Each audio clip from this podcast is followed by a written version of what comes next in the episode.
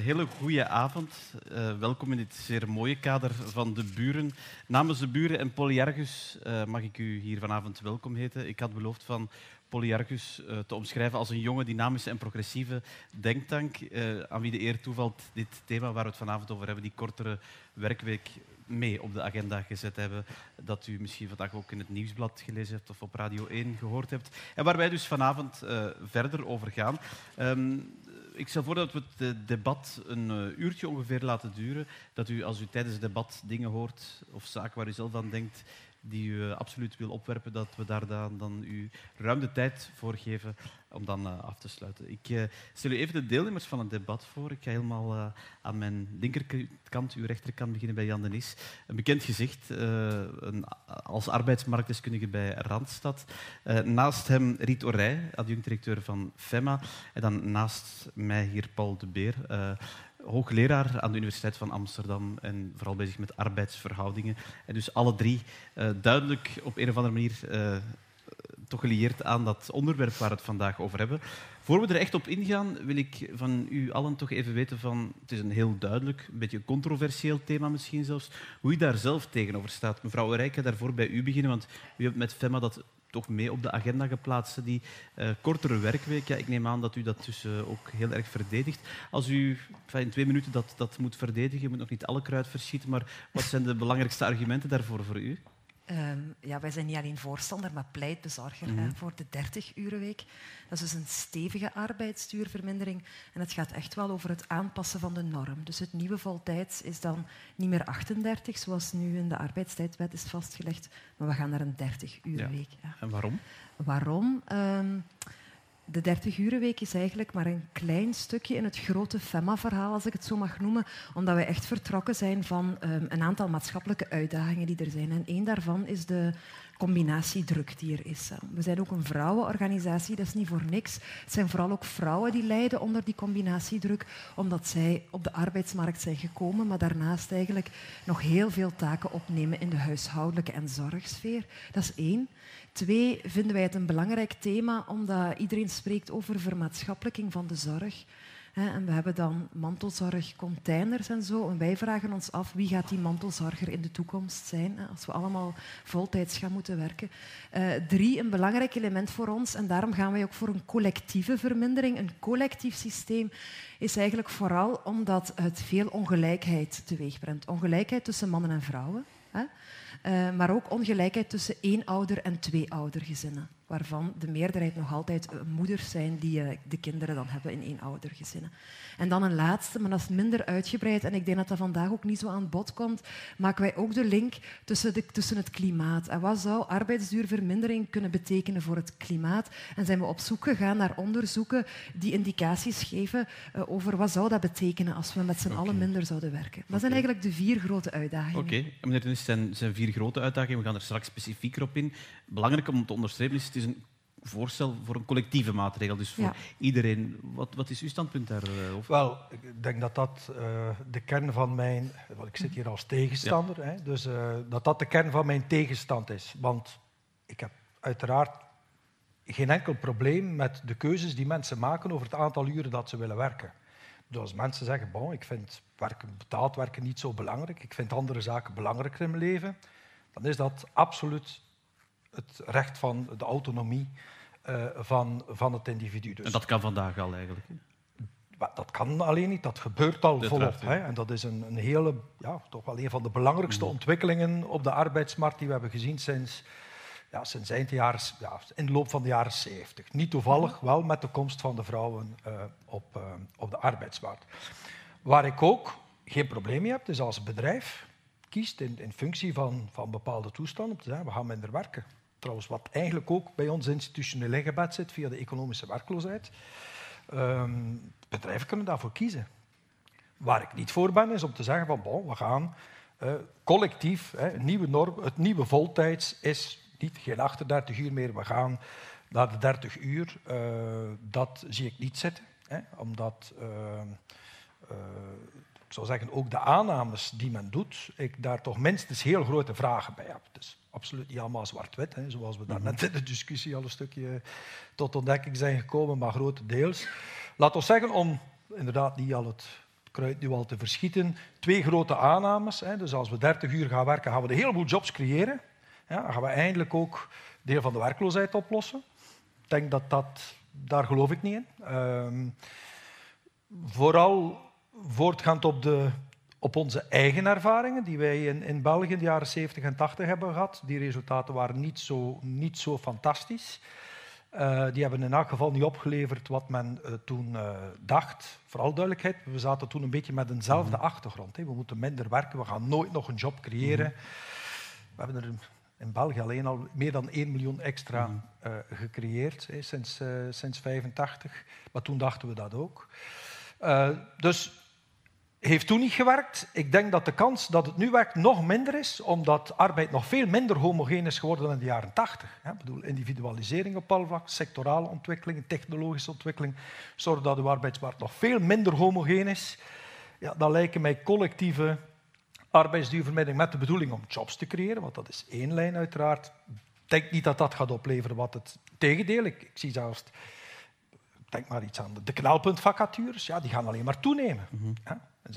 Die afkomen van, ja, we gaan wat meer opleidingen organiseren, maar de opleiding regelen we het nu al niet. Dan ga je alleen maar meer knelpunten. Dus dat gaat al niet werken, volgens mij. Twee, gaat het beter zijn voor het welzijn? Ik denk het ook niet. Eer en geweten. Uh, beter voor het welzijn van de mensen als we allemaal als norm 30 uur. Uh, waarom niet, volgens mij? Uh, ook weer om meerdere redenen, maar ik ga me beperken tot een paar. Um, omdat arbeidsduurvermindering bijna altijd ook gepaard gaat met intensivering van de arbeid. En ik weet wel dat Polyarchus al zei, ja, we moeten opletten, we moeten opletten dat we daar iets aan doen. Ja, dat is, dat is nobel. Hè. De jongens hebben hun werk goed gedaan. Maar we zien wel dat het bijna altijd wel zo is. Hè. Dus als je minder gaat werken op bedrijf, niet alle uh, arbeidsduurvermindering wordt omgezet in jobs. De facto komt de druk bij de mensen. Ja, dat is niet meer welzijn, dat is minder welzijn. Okay. Even daarbij laten. Als ja, daar gaan we straks verder op in. Meneer De Beer, dan kom ik even bij u. U bent hier gevraagd om een soort tussenpositie in te nemen. Dus uh, u hebt al enkele dingen gehoord. Hoe, hoe zou u dat uh, evalueren zelf, dat voorstel waar het hier vandaag over gaat? Ja, laat ik dan maar proberen een beetje een tussenpositie in te nemen. Ik, ik weet niet of dat helemaal gaat lukken vanavond, we zullen kijken. En ik denk wel goed dat nu al duidelijk wordt dat je denk ik een belangrijk onderscheid moet maken of je bent voor korter werken om daarmee meer banen te creëren, om de werkgelegenheid te stimuleren, of dat je vooral bent voor uh, korter werken omdat dat uiteindelijk het welzijn te goede komt. Dat zijn denk ik twee heel verschillende doelstellingen. En het, is niet gezegd dat als het voor het ene werkt, dat het voor het andere mm. uh, ook werkt. Uh, dus daarom denk ik dat je die goed uit elkaar moet mm. houden. Wat betreft effect op de werkgelegenheid, daar aarzel ik enorm over. Mm. Omdat aan de ene kant inderdaad de ervaringen ook in Nederland in de jaren 80 met arbeidstijdverkorting lijken uit te wijzen dat dat niet echt veel geholpen heeft om banen te creëren. Maar ik heb daar voor Nederland een, een, een jaar of wat geleden ons een keertje een, een, een, onderzoekje naar gedaan. En ik kwam toen tot de conclusie dat we in de jaren 80 in Nederland inderdaad vrij massaal van contractueel 40 uur in de week naar 38 of 36 uur zijn gegaan. Maar als je gaat kijken hoeveel uren mensen feitelijk werkten, bleek dat ze voor het overgrote deel op 40 uur bleven werken. Alleen ze kregen vervolgens twee uur of drie uur minder per week uitbetaald. En eigenlijk was het dus gewoon een middel om de vakbonden zover te krijgen dat ze akkoord gingen met, met loonmatiging. Wat overigens op zichzelf wel weer heeft bijgedragen aan de werkgelegenheidsgroei. Maar of het dus niet werkte, kun je pas vaststellen op het moment dat mensen ook daadwerkelijk gaan werken. En in ieder geval in Nederland is dat in die periode niet gebeurd. En weten we dus eigenlijk nog steeds niet of het had kunnen werken. Ik denk overigens wel dat in een crisis zoals we die nu, nu gehad hebben, en dat hebben we ook ervaringen in diverse landen laten zien, op het moment dat de economie inzakt en een bedrijf voor de keus staat ga ik mensen ontslaan of niet? Dat als je dan afspreekt, nee, we gaan niet 10%, omdat we 10% verlies hebben in omzet, gaan we 10% mensen ontslaan, maar we gaan die 10% verdelen over het hele personeel, zodat iedereen 10% korter gaat werken. Nou, mm daar zijn allerlei uh, regels voor geweest in verschillende landen uh, en die lijken te wel Absoluut. degelijk te hebben gewerkt. Heb Alleen dan heb je het over een tijdelijke vorm van ja. korter werken. Op het moment dat de economie weer aantrekt, ligt natuurlijk een beetje voor de hand dat je dan zegt, gaan we weer uh, uh, meer uren werken. Dus dan zou het geen structurele maatregel zijn. Nou, wat betreft het andere effect uh, op het welzijn, um, het lastige punt daar is denk ik dat of korter werken aan ons welzijn tegemoet komt, niet een puur individuele zaak is. Want het klinkt natuurlijk aantrekkelijk, laat iedereen gewoon zoveel uren werken als hij zelf wil. En uiteraard dan ook de consequenties daarvan accepteren, doordat je minder verdient als je minder uren werkt. Maar er is inderdaad een dominante norm. En die norm is nog steeds voltijds. Uh, nou ja, hier 38 uur. In Nederland varieert dat een beetje, maar uh, laten we zeggen zo rond de 38 tot 40 uur. En dat betekent dus als je minder werkt, vrijwillig daarvoor kiest, dat je daarmee tegelijkertijd een aantal dingen opgeeft. Bijvoorbeeld, mhm. in ieder geval in Nederland, en ik vermoed dat het in België niet anders zal zijn, je loopbaan. Want in de deeltijdbaan, hoe, hoe algemeen geaccepteerd dat ook is in Nederland. Uh, inmiddels zijn er in Nederland meer deeltijdbanen dan voltijdbanen zelfs. Meer dan de helft is deeltijd. Maar als je echt carrière wil maken, als je een leidinggevende functie wil uh, krijgen, dan moet je niet deeltijd gaan werken, want dan kun je dit wel vergeten. En dat is dus een beetje het probleem als je zegt het is een individuele keuze, waar ik op zichzelf erg veel voor voel. Ik vind dat ook iedereen gewoon het zelf zou moeten kunnen kiezen. Maar als de prijs die je daarvoor betaalt ook is dat je je loopbaan in zekere zin op het spel zet, ja, dan kan je natuurlijk afvragen of we toch niet beter naar een systeem kunnen waar die norm inderdaad niet meer de voltijdse baan is, maar een, ja, of een deeltijdsbaan van 30 uur, of mijn ideaal zou zijn dat we helemaal geen norm meer hebben. Mhm. En dat je met een baan van 30 uur of 25 uur net zo goed een leidinggevende functie kunt vervullen, carrière kunt maken als met een voltijdse baan. Alleen of dat lukt als mensen allemaal puur individueel de keuze maken, daar heb ik mijn twijfels over. En dat zou dus mm toch een reden kunnen zijn om wel degelijk te streven naar een, een collectieve verkorting. Ik ga mevrouw even bij dat laatste aansluiten. Mhm. Want het, wat u zegt, daar gaan we straks op in, dat is vooral dat die noemer welzijn waar u op wijst, die combinatiedruk, die ongelijkheid, die mantelzorg. Er bestaan eigenlijk mogelijkheden. Deeltijdswerken, je hebt zelfs deeltijdswerken, verlof voor een ziek familie, waar je dat zou mee kunnen doen. Waarom, is, waarom zou dat niet kunnen op individueel vlak ja. Eigenlijk is dat ook het antwoord op het eerste luik, denk ik, wat meneer De Nijs heeft aangehaald. Het collectieve, waarom, ik waarom wij dat zo mhm. belangrijk vinden. Dat is omdat dat veel ongelijkheid met zich meebrengt. Eerst en vooral, deeltijdswerken is iets helemaal anders als het tijdkrediet opnemen en het ouderschapsverlof opnemen, omdat dat tijdelijke uitstappen zijn uit een loopbaan. En dat is wel heel belangrijk. Hè. Ouderschapsverlof is een korte uitstap, waardoor je je positie op de arbeidsmarkt niet verliest. Maar het is iets anders. We weten eigenlijk dat als je het aan het individu overlaat, wat gebeurd is vanaf de jaren 80, je kan eigenlijk zeggen, we werken eigenlijk al in een 30 uur Precies. Hè? Um, maar als je dan gaat kijken wie, hoe die dan verdeeld is, is dat heel ongelijk. Eerst en vooral is er een grote ongelijkheid tussen mannen en vrouwen. Vrouwen nemen veel meer van die statuten op, mannen nemen die niet op. Dat is één. En twee, wie kan die opnemen? Ik weet niet of je weet wat je krijgt, maar als je tijdkrediet opneemt, krijg je 700 euro per maand. Dat kan niemand betalen, alleen een welgesteld gezin die met twee ouders zijn. En dat is voor ons een heel belangrijk element. Eerst en vooral, als die norm 40 blijft, gaat er altijd iemand in het gezin bij twee verdieners een stap terugnemen, want tweemaal een voltijds is een erfenis van een kostwinnersmodel dat niet houdbaar is. Je kan niet met twee 40 uur gaan werken en dan je kinderen opvoeden. Heel moeilijk, alleszins. Hè.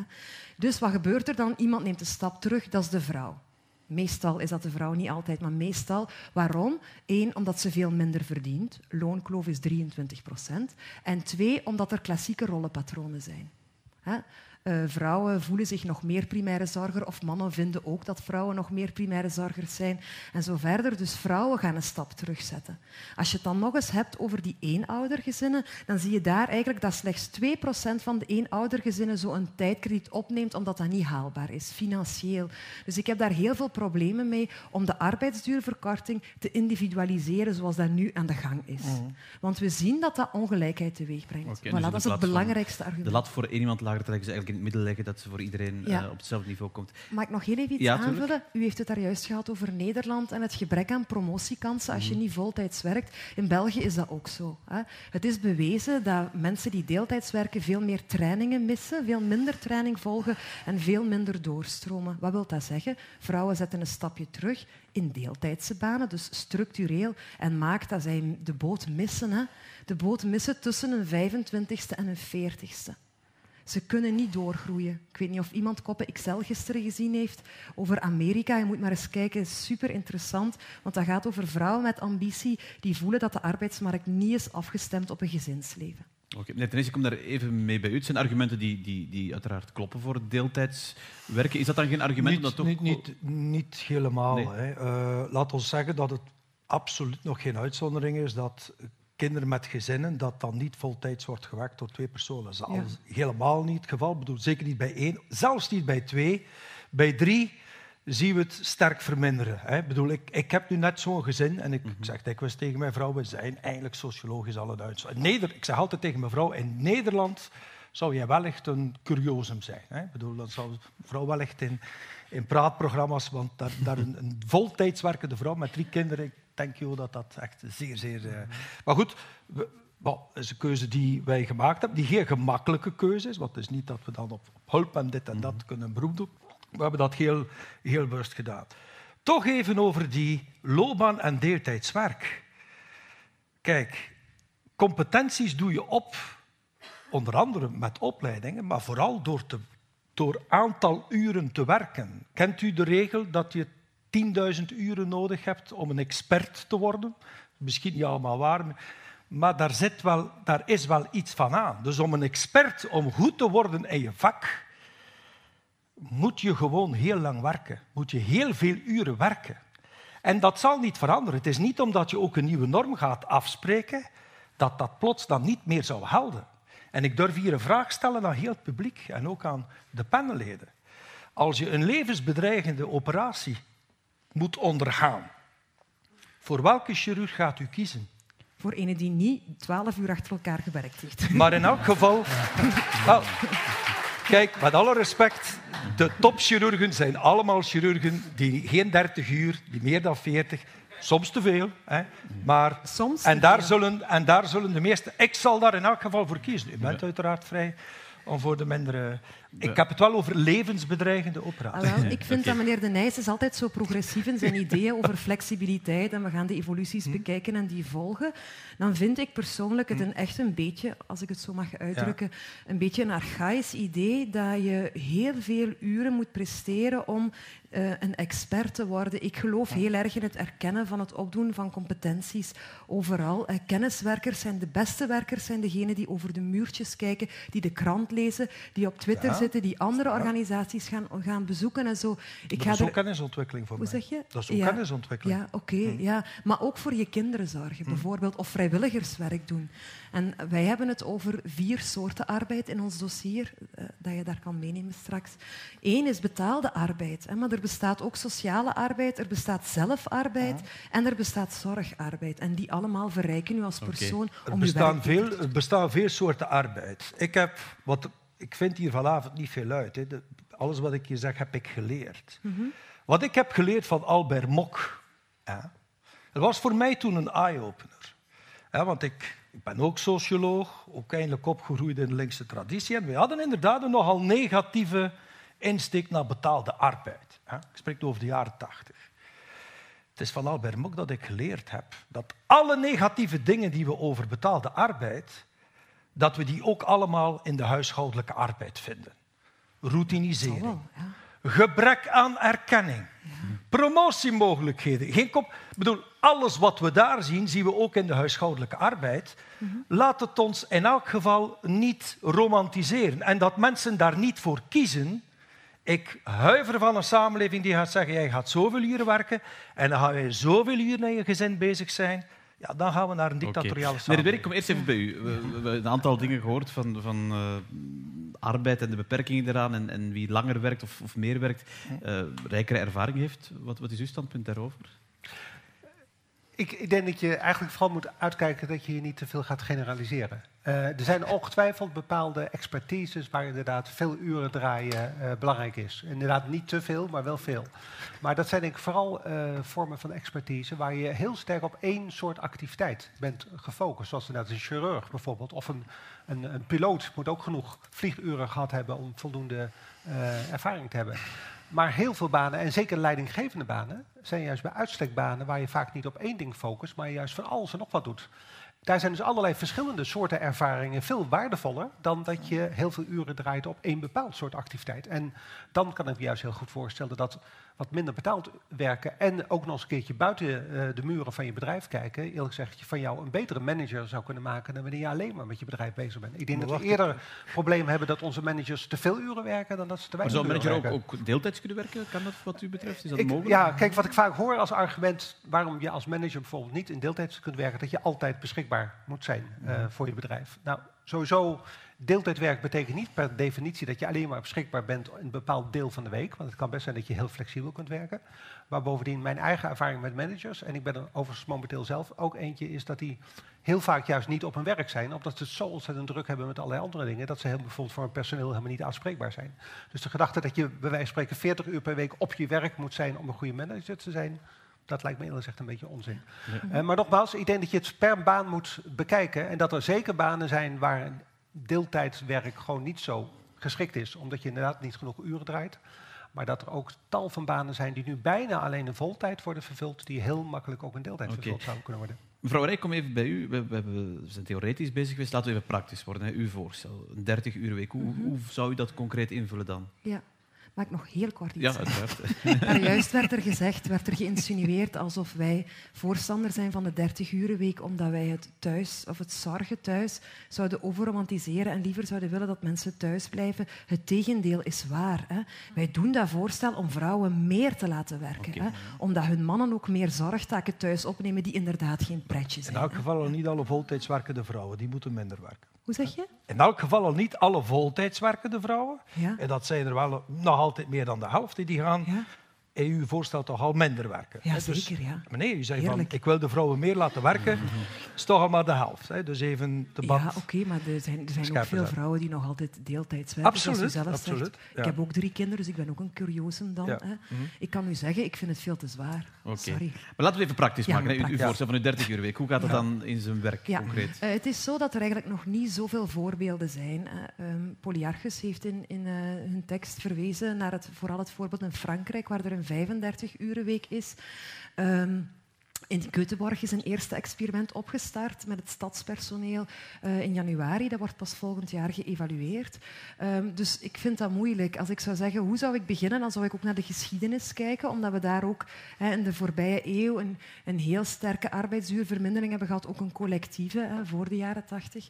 Dan zou ik daar zeker gaan kijken. Ik denk dat het heel belangrijk is om in sociaal overleg, hè, dat blijkt ook uit andere voorbeelden, dat via sociaal overleg gaan heel belangrijk is. Wat wil dat zeggen? Uw productiviteit groei kun je omzetten ofwel in meer winst, ofwel in hogere lonen, ofwel in meer minder tijd. Hè. En dan zou je kunnen zeggen van ja, kijk, laten we in onderhandeling tot compromissen komen om die groei ten, ja, te verdelen. Een stukje ga je natuurlijk, uh, een stukje kan, kan gaan naar een loonstijging, maar je zou kunnen zeggen we laten de lonen iets minder stijgen en we investeren dat in tijdsvermindering. Dat zou kunnen. Je zou ook bedrijven bijvoorbeeld kunnen vanuit de overheid stimuleren door hen een lastenverlaging te geven als zij een arbeidsduurvermindering uh, doorvoeren en daarbij ook jobs creëren, zoals in Frankrijk is gebeurd. Dus stelselmatig, denk ik. Um, wat vooral duidelijkheid, het gaat in uw voorstel over met behoud van loon, werkduurverkorting met behoud van loon. Ja. En we willen ook, op dit moment is dat zo, omdat we denken dat dat mogelijk is. We vinden dat belangrijk om dat zo te stellen, omdat we sinds Wereldoorlog 2 is er een, zesvoudige, de, de, productiviteit is verzesvoudigd. De arbeidsduur is um, drie keer, is 30 procent gedaald, de lonen zijn 30 procent gestegen. Je zou eigenlijk, als je dat vanuit een historisch perspectief bekijkt, daar eens kijken van hoe kunnen we dat inderdaad beter verdelen en dus ook meer geven aan die tijds aan die um, vermindering van die uh, arbeidsduur. En dan een argument dat, dat u nu niet aanhaalt, maar dat wel aangehaald wordt, is dat dat ook voor de tewerkstelling een goede zaak zou zijn, omdat ja. je eigenlijk de koek, ik ga het even heel uh, rudimentair zeggen, door, door uh, ja. meerdere delen Ik ben wel geen arbeidsmarktexpert, mm maar er zijn wel voorbeelden. Bijvoorbeeld in Frankrijk zijn er 350.000 extra jobs gecreëerd en is de werkloosheid gedaald naar 7,5 procent, van 10 naar 7,5 procent. Dat zijn indicaties dat er, denk ik, wel een werkverdeling, een, een herverdeling is gebeurd. Er is ook uit dat onderzoek gebleken dat mensen iets langer werken. Dat is ook een vorm van herverdeling, hè, want op dit moment is onze uitstap 59, terwijl we 67 verwachten van pensioen. Uh, je zou kunnen zeggen, als de loopbaan iets langer gerokken wordt en iets ontspannender is, en we noemen dat een olijfboomcarrière in de plaats van een citroenloopbaan, hè, waarin je uitgeperst ja. wordt. De, uh, olijf, ja, de olijfboomcarrière maakt dan dat je langer zou werken en dat is ook een herverdeling in arbeid. Ja, maar met, okay. Mag ik daar ja, uiteraard, ja, ik even op u reageren? Wel, Polyargus heeft een verdienstelijke studie gedaan. Ja. Um, maar dat is nu bijvoorbeeld een van die punten. Ik het is, ik ga eerlijk toegeven, sinds voor gisteren wist ik niet van die studie van de Assemblée. En ik ga die zeker met veel aandacht bekijken, omdat het inderdaad een nieuw feit is. En ik sta open, uiteraard, ik wil altijd bijleren. Maar afkomen met het heeft geleid tot langer werken. In heel Europa zijn we langer aan het werken. En ik weet wel heel zeker, omdat ik die cijfers zeer goed opvolg, dat Frankrijk daar niet outspoken is en dat de stijging daar niet buitensporig is. Dus daar de link leggen met uw arbeidsduurvermindering, daarvan zeg ik, dat is bijna zeker kwatsch. Ja? Uh, dat is één elementje, dus men heeft daar twee fenomenen vastgesteld, maar die niet causaal zijn. Ja, dat kan, ja. Uh, en dat is maar één punt. De rest wil ik nog een keer deftiger, want ook het aantal jobs heeft mij verwonderd. Dus ik ga eerlijk zijn. Ik het met, dus het is een nieuw feit. Alle dingen die ik daar tot nu toe van gelezen heb, waren van andere aard. Maar goed, you never know, dus laat ons dat uh, even bekijken. Maar in elk geval, dat laatste punt... Nee. Uh, maar als principe die, die, niet. die tewerkstelling nog heel even is, ja. is dat een nee, ik geloof, Ja, kijk, ik heb mijn punt daarover gemaakt. Ja. Trouwens, ik, ik, kijk dan niet alleen naar Frankrijk, ook uh, onze, onze regelingen in de jaren 70, 80 hebben eigenlijk niet opgeleverd. Als je weet wat we dan nadien aan jobs hebben gecreëerd, is dat echt peanuts. Ja? Mm. Echt peanuts. We hebben 1 miljoen jobs gecreëerd sinds 1985. En dat waren absoluut niet allemaal bullshit jobs. Hè. Um, uh, wat ik mm -hmm. trouwens een zeer uh, onrespectvolle term ook vind. Maar dit, okay. even, ja. dit even terzijde voor de mensen die die jobs ook moeten uitvoeren. Okay. Maar, ja. Meneer De Beer, um, Frankrijk het is, het is, het enige echte voorbeeld waar we naar kunnen verwijzen. Wat is uw interpretatie daarvan, uh, dat experiment? En trouwens al flink teruggeschroefd. Hè. Dat ja. moet ik toch ook even bij zeggen. Het is teruggeschroefd. Ja, nou, ik, ik, weet dat er eerder diverse studies zijn verschenen die, waarin beweerd werd uh, mm. dat het uiteindelijk niet heeft bijgedragen aan werkgelegenheidsgroei in Frankrijk. Maar er zijn inderdaad ook al, weer nu Goed, weer andere studies die iets anders lijken uitwijzen. Dus ik, ja. ik, blijf dat wat lastig vinden om te beoordelen. Mm. Het lastige natuurlijk altijd bij dit soort zaken is dat er allerlei dingen tegelijkertijd veranderen, waardoor Precies. je heel moeilijk kunt zeggen wat nou precies de oorzaak is. Maar is het een succesvolle oefening geweest? Volgens u? Ik heb er mijn twijfels over of het zo succesvol is geweest in, in, uh, in Frankrijk. In ieder geval, als je kijkt daar, ook al is de werkloosheid gedaald. Frankrijk scoort natuurlijk qua werkloosheid nog steeds niet echt goed. Ja. Um, ja, en ik denk bijvoorbeeld hier in Vlaanderen is de werkloosheid volgens mij aanzienlijk lager dan in Frankrijk. Ondanks het feit dat er Absoluut. geen 35 uur werkweek is. Absoluut. Dus je kunt daar niet een, nee. in ieder geval een direct positief verband tussen vinden. Nee. Wat natuurlijk ook weer niet zeggen dat het geen enkel effect heeft gehad hoor. Maar dat vind ik ook weer iets te snel geconcludeerd. Eh, wat ik eigenlijk interessant vind, als je een lange termijn perspectief neemt. Um, wat opmerkelijk is, is natuurlijk dat we in heel Europa, in, laten we zeggen tussen ergens eind 19e eeuw en pakweg uh, begin jaren 80, uh, veel en veel korter zijn gaan werken. Uh, gemiddeld genomen is de werkweek, denk ik, nou, bijna, nou, net niet gehalveerd, maar toch van, laten we zeggen, meer dan 60 uur in de week gemiddeld naar minder dan 40 uur gegaan. Het merkwaardige is dat dat proces en dat werd natuurlijk mede mogelijk gemaakt door de sterke productiviteitsstijging. En we hebben dus een groot deel van die productiviteitsstijging inderdaad omgezet in korte werken, maar daarnaast natuurlijk ook in meer inkomen. Dus dat was uh, ja, dubbele winst, kan je zeggen. Wat ik merkwaardig vind, is dat dat proces na de jaren 80 tot stilstaan gekomen mm -hmm. lijkt te zijn. Alsof we vanaf de jaren 80, als we productiviteitsstijging realiseren, vinden dat we dat alleen nog maar moeten omzetten in inkomen, in hoger loon en niet meer in vrije ja. tijd. Dat zou alleen logisch zijn als iedereen min of meer die 40, 38 ja, uur werkweek een optimale werkweek mm -hmm. vindt. En dat kan ik me nou eens voorstellen. Okay. Klopt, klopt. Ik denk toch dat het te maken heeft met de intrede dat het te maken heeft gehad met de massale intrede van de vrouw op de arbeidsmarkt. Maar toch even uh, verder gaan op je redenering. Uh, de overheid heeft wel veel geïnvesteerd in verdere arbeidsduurvermindering. Zij het op individuele basis. Mm -hmm. bedoel, daar zijn veel middelen naartoe gegaan. En dus uh, we hebben inderdaad welvaart en arbeidsduurvermindering. Ja, we hebben daar een keuze gemaakt en dan is de vraag, ja, bon, stel nu dat sociologisch de grote meerderheid minder wou werken, ja, dan denk ik dat dat was gebeurd. Ik denk dat vakbonden, ik ga ervan uit dat vakbonden ja. redelijk democratische organisaties ja. zijn. Nu, let op, dingen kunnen veranderen. Hè. Bedoel, en ik vind alleen het een, vakbonden daarover beslissen. Ik vind het een... Ja, maar goed. Ik, ja, vakbonden toch, is één onderhandelings... In het sociaal overleg zijn het niet alleen de vakbonden die beslissen wat er gebeurt. Hè. Nee, nee, het zijn... Ja, maar wacht. Ik heb de vakbonden bij mijn weten niet die eis massaal op tafel mm. weten leggen. Hè. Dus wat mm -hmm. op... Trouwens, dat wil ik toch ook even in het midden gooien. Uw productiviteitswinst kun je wel maar één keer uitgeven. Hè. Als ik voel wat... bedoel, denk maar aan het aanvullend pensioen. Eerlijk gezegd, dat is mijn... Voor... Als, als ik zeg van waar moeten de, ex, de lonen naartoe gaan, dan zou ik voor België op dit ogenblik kiezen voor aanvullende pensioenen. Omdat daar ook grote ongelijkheid is. Mhm. ja? Dus uh, ik zou dat daarvoor reserveren. Voor de Bon, de democratie speelt. Hè. Ik bedoel, als, als men binnen vakbonden andere keuzes maakt. Maar ik, wat men niet gaat kunnen veranderen, men kan het wel maar één keer uitgeven. Oké. Dus men zal daar ook keuzes moeten maken.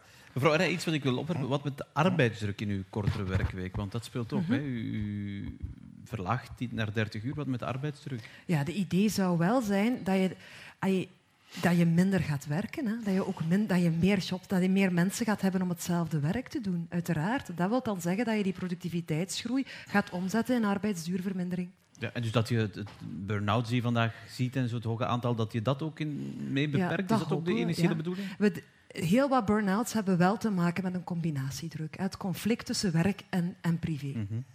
Dus ja, allee. Het is een, een denkoefening die we maken waarin we geprobeerd hebben om te zien welke zijn die verschillende dingen die spelen. De ongelijkheid, die zorg, die burn-out en al die dingen. En we denken dat de 30-urenweek zou bijdragen tot een antwoord op die uitdagingen. Is dat een wondermiddel? Nee. Allee, als we 30 uur gaan werken, wil dat niet zeggen meteen dat dan ineens eh, al, al die, die mannen massaal eh, die, die huishoudelijke taken gaan opnemen. Natuurlijk niet. Allee, er zijn andere factoren die spelen. Dus eh, ik geloof ook niet meteen in, als we naar een 30-urenweek gaan, dat we dan tot die arbeidsherverdeling komen die we willen. Nee, dat, dan gaan mensen... Je kan inderdaad niet... Een werkende heeft niet hetzelfde profiel als een werkloze. Dus je gaat moeten inzetten op toeleiding, je gaat moeten inzetten op training ehm, ja, van, van, van zowel werkende als niet-werkende. Dus het is niet zo dat... dat ai, dat dat een simplistisch idee is van oh, dat lijkt ons een leuk idee. Nee, het is één element dat bijdraagt tot een, een groter, duurzamer verhaal, zal ik het zo zeggen. Een, nee? Nou ja, kijk, kijk, als wij echt willen dat korter werken uiteindelijk leidt ook tot een meer ontspannen samenleving, dan moeten we natuurlijk niet alleen wat veranderen aan het werk, dan moeten we ook wat veranderen aan onze ambities ten aanzien van consumptie. Ja, dat is ook zo. Ehm, ja. En ik denk dat nu een van de problemen is dat mensen in feite zo erg gericht zijn op het steeds weer vermeerderen Ja. van hun materiële bezittingen. De nieuwste technologische snufjes eh, die we willen hebben. Voor deel ook overigens omdat dat een belangrijke mate statusgoederen zijn waarmee je weer kunt onderscheiden van Ja. anderen. En dat we elkaar daarmee opjagen. Zolang we daarmee door willen gaan, hebben we gewoon al dat inkomen wat we nu verdienen hard nodig Ja. om dat te kunnen kopen. Maar ehm, ik, toevallig op weg hierheen, niet toevallig moet ik zeggen, op weg hierheen las ik nog een keer het, het, eh, mooie essay van eh, Bertrand Russell uit 1935 in Praise of Idleness. Notabene in 1935 beweerde hij al dat het werk bestaat uit twee dingen. Ehm, ongeveer de helft van de mensen doet wat hij noemde het ver- verplaatsen van eh, materie in de omgeving van de, de aarde. Dus dat zijn de mensen in zekere zin die echt productieve arbeid verrichten. De andere helft van de mensen is vooral bezig om die eerste groep mensen te vertellen wat ze moeten doen. En er zijn er nog allerlei mensen die deze mensen adviseren wat ze die andere mensen moeten stellen. En dat, heet, dat noemde hij dan politiek.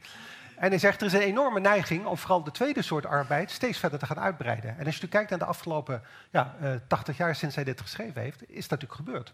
We zijn steeds minder bezig met fysieke productiearbeid. Daar is misschien op dit moment, ik denk nog iets van 25% van de bevolking daadwerkelijk mee bezig. Die andere driekwart van de bevolking is vooral bezig met elkaar bezig te houden.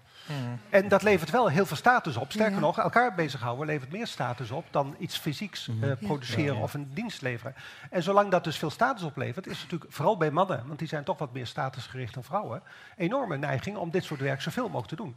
Wat er nog bij komt is bovendien, hoe, hoe meer uren je aan dit soort werk besteedt, hoe, meer, hoe hoger ook de status wordt. Dus dat hele mechanisme, het geeft status, het geeft natuurlijk ook inkomen waarmee je leuke dingen kunt kopen, die ook weer je status verhogen. Ja, als we dat niet weten door, te doorbreken, zal arbeidstijdverkorting nooit leiden tot een meer ontspannen samenleving. Want dan Ja. hebben we voortdurend het gevoel dat we allerlei hele le- belangrijke dingen in het leven missen. Ja.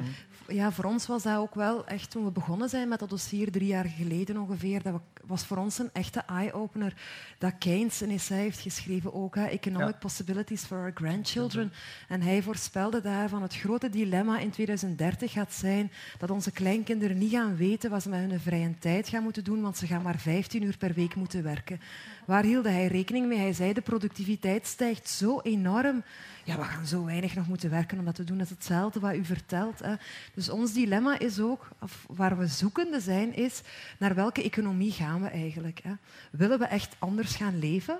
Of blijven we ook heel erg inzetten op die productiviteit die dan omgezet wordt in meer tijd? Dat is een belangrijk dilemma. Ja. Meneer Nisko, het is bijna een ideologische kwestie als je het uh, op dat thema brengt natuurlijk. Wel, um, ik ga niet alles uh, onder de mat schuiven wat, wat hier gezegd is. Dus da daar zitten zeker een aantal uh, punten in die, uh, die ik kan volgen. Hè. Rond bijvoorbeeld status, de status die men ontleent aan het werk en het feit van veel uren, dat, dat feit alleen op zich al een vorm van status is, waar vroeger veel vrije tijd, het statuspol heeft het ooit in een van zijn boeken nog eens mooi gegeven. Vroeger was veel vrije tijd hebben. Waar de rijken hadden veel vrije tijd. Ja, de rijken werken nu heel veel. Dus dat volg ik een stuk. Maar waar ik mij absoluut niet kan in, in, in waar ik absoluut ja, niet volg, zei dat niet echt gestuurd, ik, ben, ik heb niet zo'n negatieve visie op arbeid. Ik heb het nu even over betaalde arbeid. Er is een heel lange negatieve visie, marxist op en arbeid, en daar moeten we ons zoveel als mogelijk van bevrijden. Dus een hele ongelooflijke literatuur over ja, wat is dan die vrije tijd. Maar sorry, ik, ik volg dat niet. Ik vind arbeid een zeer zinvolle bezigheid. Ja?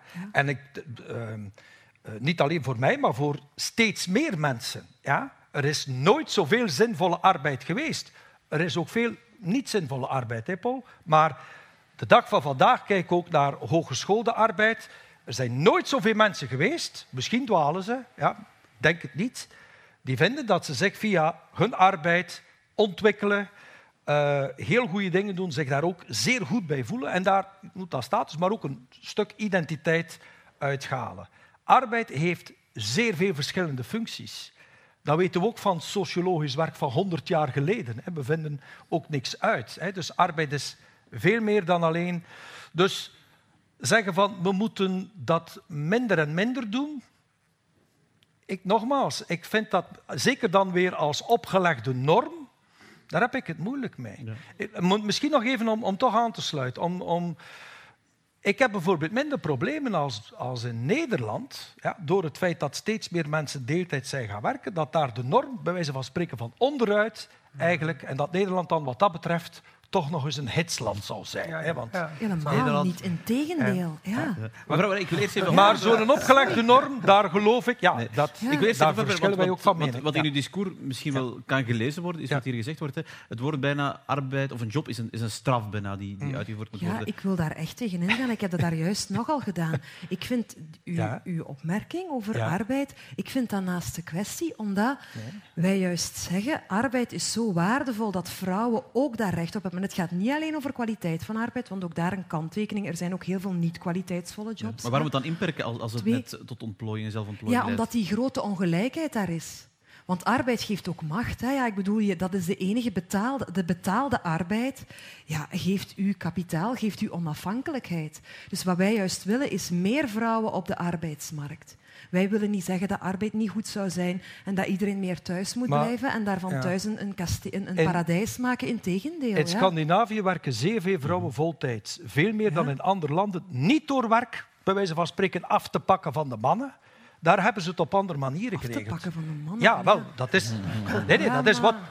Nee, dat is even generaliserend. We gaan naar de 30 week, dus we pakken af van de mannen. Ja, want die werk... op, maar je bent toch een socioloog, dat is toch op macroniveau bekeken? Ja, ja. ja de, verschuiving zal, de verschuiving zal wel in die richting zijn. Ja, ja maar, dat... maar dat is ook wat mannen willen. Hè. Dat lijkt wel of die mannen kneusjes zijn die zelf ook niet willen. Mannen willen ook meer kwaliteit in hun leven. Willen ook zorgen Ja, maar wie, wie, wat houdt hen tegen? Dat, dat, dat geloof ik dus niet. Ik bedoel, mannen, het systeem.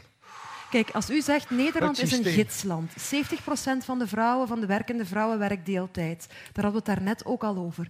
Enerzijds heeft dat zeker te maken met kinderopvang. Ik, allee, daar kunnen we het, maar ik, ik denk dat dat wel zo is. Kinderopvang voltijds kan 2000 euro kosten per maand. Dus wie gaat dan nog werken? Hè?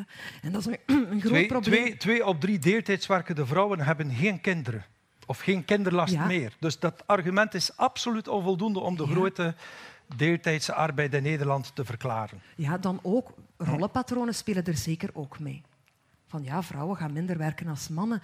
Ik vind dat... Een, ik vind dat en die norm, verandert, de- in, de- de die vraag norm, van- ver- die norm verandert in Nederland ook. Hè. Bijvoorbeeld, er zijn 25% deeltijdswerkende mannen in Nederland. Dat is Ja, ook een record. Maar dat zijn bijna allemaal jongeren die daarnaast nog studeren. Dus dat vind ik Prima. Ja, maar dat is toch Ja. prima? Nee, maar dat is wel iets nou ja, anders. Als, als docent heb ik daar soms wat problemen mee. Meneer Dat is wel iets anders. Hè?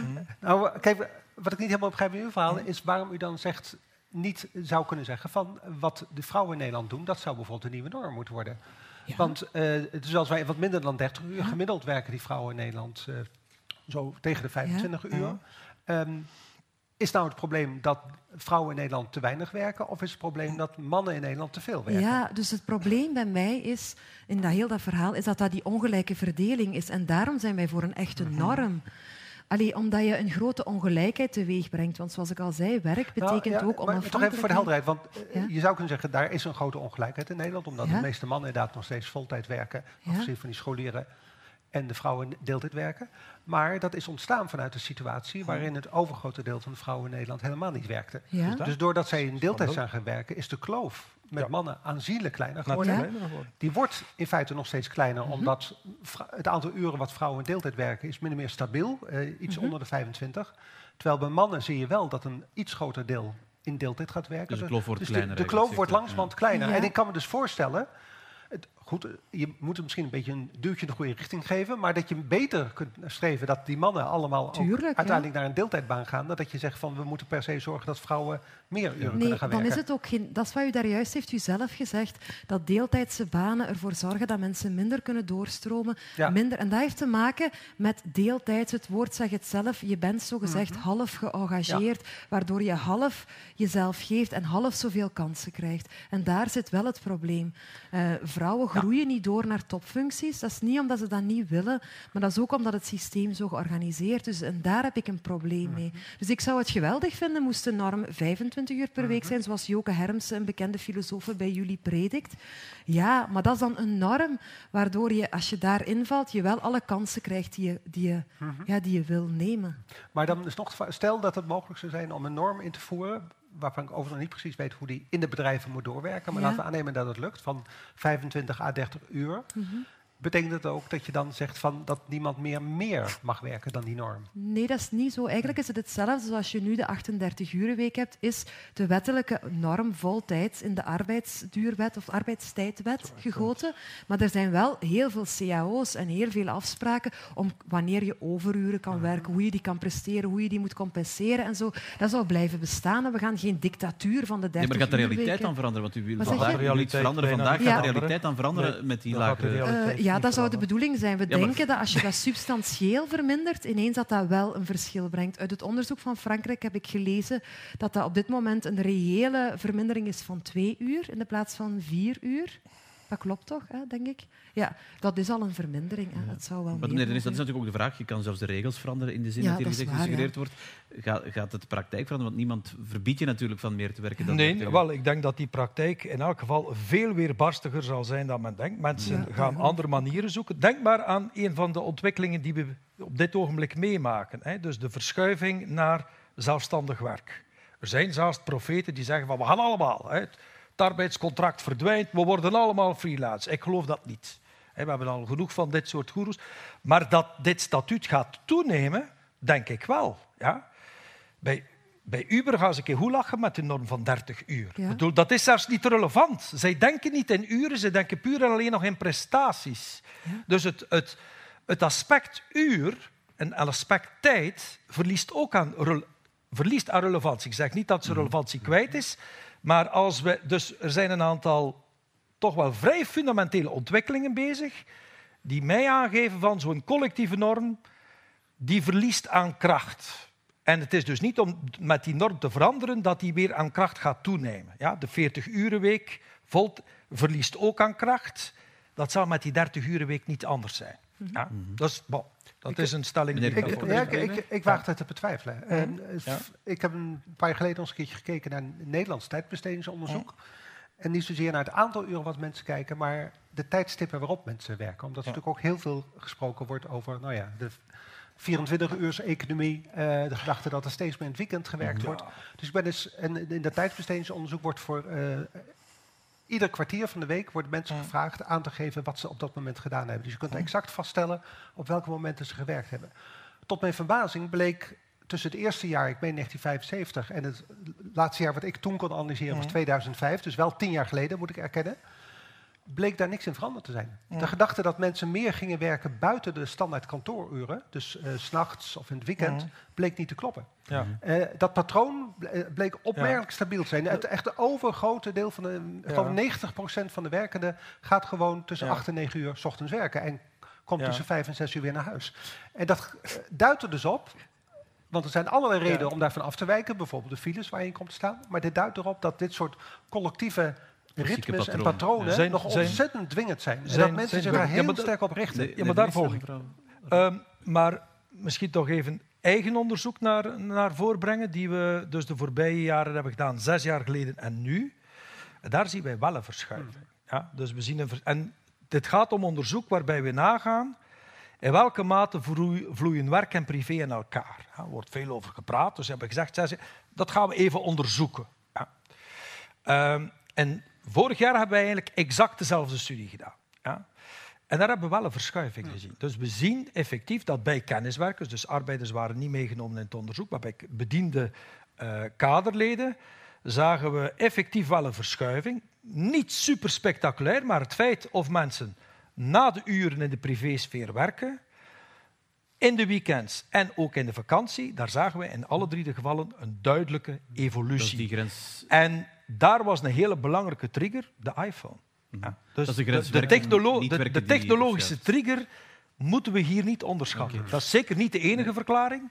Maar het feit dat grenzen en dat mensen ook in de werktijd privé dingen doen, hè, niet onderschatten. Dus er eh, waren meer mensen die in de werktijd privé dingen doen, dan dat ze in de privésfeer werken. Hè. Dus laat dat ook even dan gaan ze toch meenemen in de discussie. Daar kan ik even tot bij u, mevrouw ja. met dit, de grens werken, niet werken die opschrijft. Dan zit u misschien, eh, als u ideaal typisch dat, dat eh, kan doorvoeren, met een 30-urige werkweek. U hebt ja, uw mannen thuis, maar zit daar eigenlijk te werken thuis. Ja, maar een 30-urenweek wil niet zeggen dat er geen flexibiliteit zou mogelijk zijn. In bepaalde mate natuurlijk. Allee, je, ja, daar zie ik het verschil niet met wat het nu is. Hè. Het is niet dat we naar een Oostblok-patroon eh, gaan, waarin dan iedereen daar tussen tien en vier uh, achter zijn bureau zit.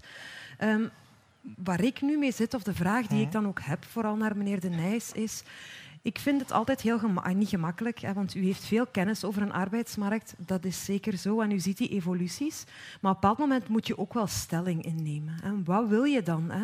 En ga je dan zeggen, ja, alles wordt veel flexibeler, veel individueler, dat is zo, uh, en zo verder. Dus ja, voilà. Um, wat heeft dat nog voor zin om over collectieve systemen te praten? Des te meer op dit moment wil ik over collectieve systemen praten. En des te meer wil ik de, de, de rol van de vakbond onderstrepen om te gaan voor uh, het, het beschermen van een arbeidsduur.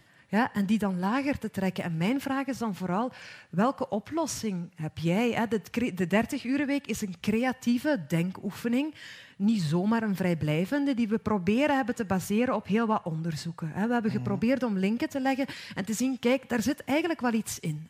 Als het gaat over gendergelijkheid bijvoorbeeld, ik denk dat dat toch een heel belangrijk issue hier, waar hier ligt. Omdat dat iets structureel is en dus ook iets collectief om aan te pakken.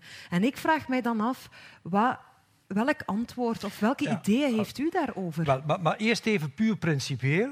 Ja, ik vind nog altijd dat ik het recht heb om kritiek te leveren op een systeem, zonder dat ik meteen het, het antwoord heb van hoe het dat was. Dus dat, dat even principieel. Maar ik ben gewoon nieuwsgierig. Maar er zijn... Misschien even toch, toch het debat e- even globaliseren. We zijn begonnen met twee grote elementen. Wat, arbeidsduurverkorting, welzijn. Bon, toch discussie of dat werkt. Arbeidsduurverkorting, jobs, ook een discussie. Dan breng je een nieuw element in. Je hebt het al een paar keer ingebracht, maar het, is wel een ander element. Hè? Natuurlijk, Over hoe kunnen we meer gelijkheid brengen.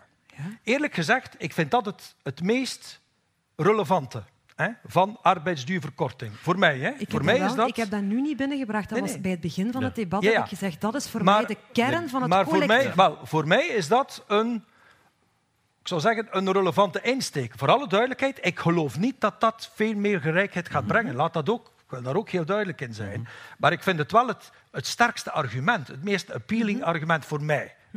Dus laat dat. Uh...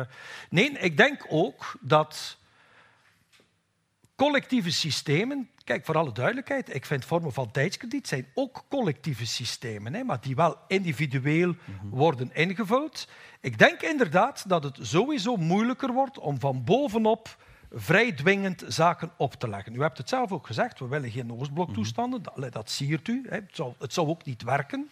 Mhm. Maar als je dat niet, als je dat dan loslaat, dan zul je, moeten, zul je wel merken dat mensen daar op allerlei manieren anders tegenaan gaan kijken. Ik heb ook de pleidooi gehoord van jullie alle twee van ja, wil dat een beetje werken, dat systeem, dan gaan we moeten consumenderen. Dat heb ik toch gehoord. Mhm, ja, dat Vind ik een waardevol idee. Maar je zult daar de mensen wel van moeten overtuigen. Je zult ze dat niet kunnen opleggen. Mhm. En dat is de grote uitdaging, mhm. waar ik absoluut ook geen, uh, ja.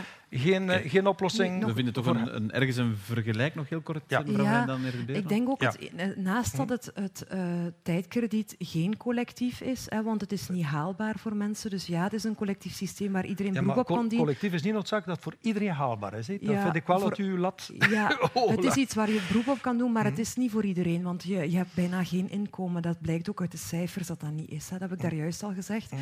Maar daarnaast is het ook zo dat tijdkredieten, dat is ook bewezen, vrouwen niet meer laten instromen daarna. Dat is ook een belangrijk argument waarom wij niet zijn voor die behoud of het uitbreiden van tijdkredieten, maar eerder de norm aan te passen. Omdat blijkt als vrouwen twee jaar weg geweest zijn van de arbeidsmarkt, het zeer moeilijk wordt om terug een goede positie op die arbeidsmarkt te verwerven. Dus dat is nog wel een argument om vraagtekens te stellen bij de verlofsystemen die er nu zijn. Ja, maar dat is een halde... Allee, ik vind dat een goed argument ook.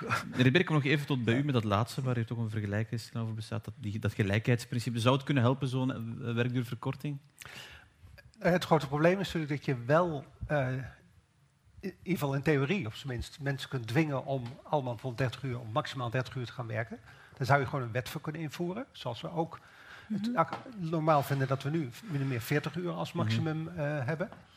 Um, alleen, je kunt daarmee natuurlijk niet uh, afdwingen dat er ook in de tijd die men dan thuis gaat besteden gelijkheid ontstaat. En eerdere ervaringen hebben natuurlijk laten zien, uh, bijvoorbeeld die arbeidstijdverkorting die we in de jaren 80 hebben gehad, dat, als, dat werd in Nederland vaak ingevoerd in de vorm van een, een halve uh, dag vrij in, per twee weken of, of uh, zelfs een hele dag per maand of zo de tijd die mannen dan uh, extra vrij kregen, die gingen ze meestal niet besteden aan het huishouden helaas. Maar ze gingen, in Scandinavië zijn daar hele mooie stories over. Daar, daar, daar, kom ik bij u, want u kan wel collectief dat de lat laag leggen. Individueel kan je inderdaad weer te maken krijgen dat de, de tijd anders wordt. Bijvoorbeeld de, de tijdskrediet hè, was ineens, oh mannen nemen dat ook op en zo, maar blijkbaar was dat echt zo voor de plus 50ers. Weet je wel, nee, noemde dat de landingsbaan? Ik vraag het hier ook voor, omdat die collectieve maatregelen individueel dat effect helemaal niet kan beogen wat u wil.